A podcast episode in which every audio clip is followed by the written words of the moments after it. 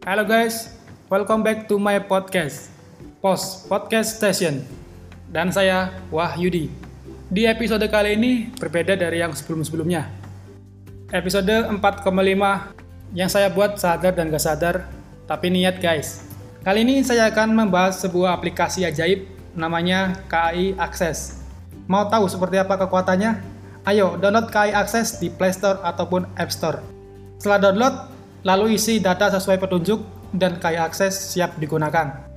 Aplikasi ini pertama kali diluncurkan pada tanggal 4 September 2014. Wah, ternyata udah 6 tahun lebih. Awalnya hanya menawarkan fitur pemesanan tiket kereta api, baik jarak jauh maupun menengah.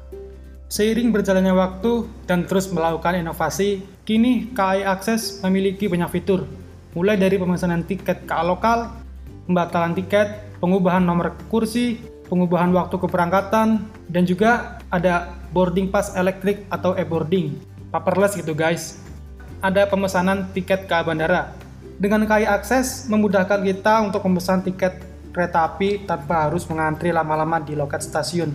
Kapan pun dan di mana pun bisa. Ayo jadikan KAI Akses sebagai mitra perjalanan kita. Kereta favorit kalian apa nih?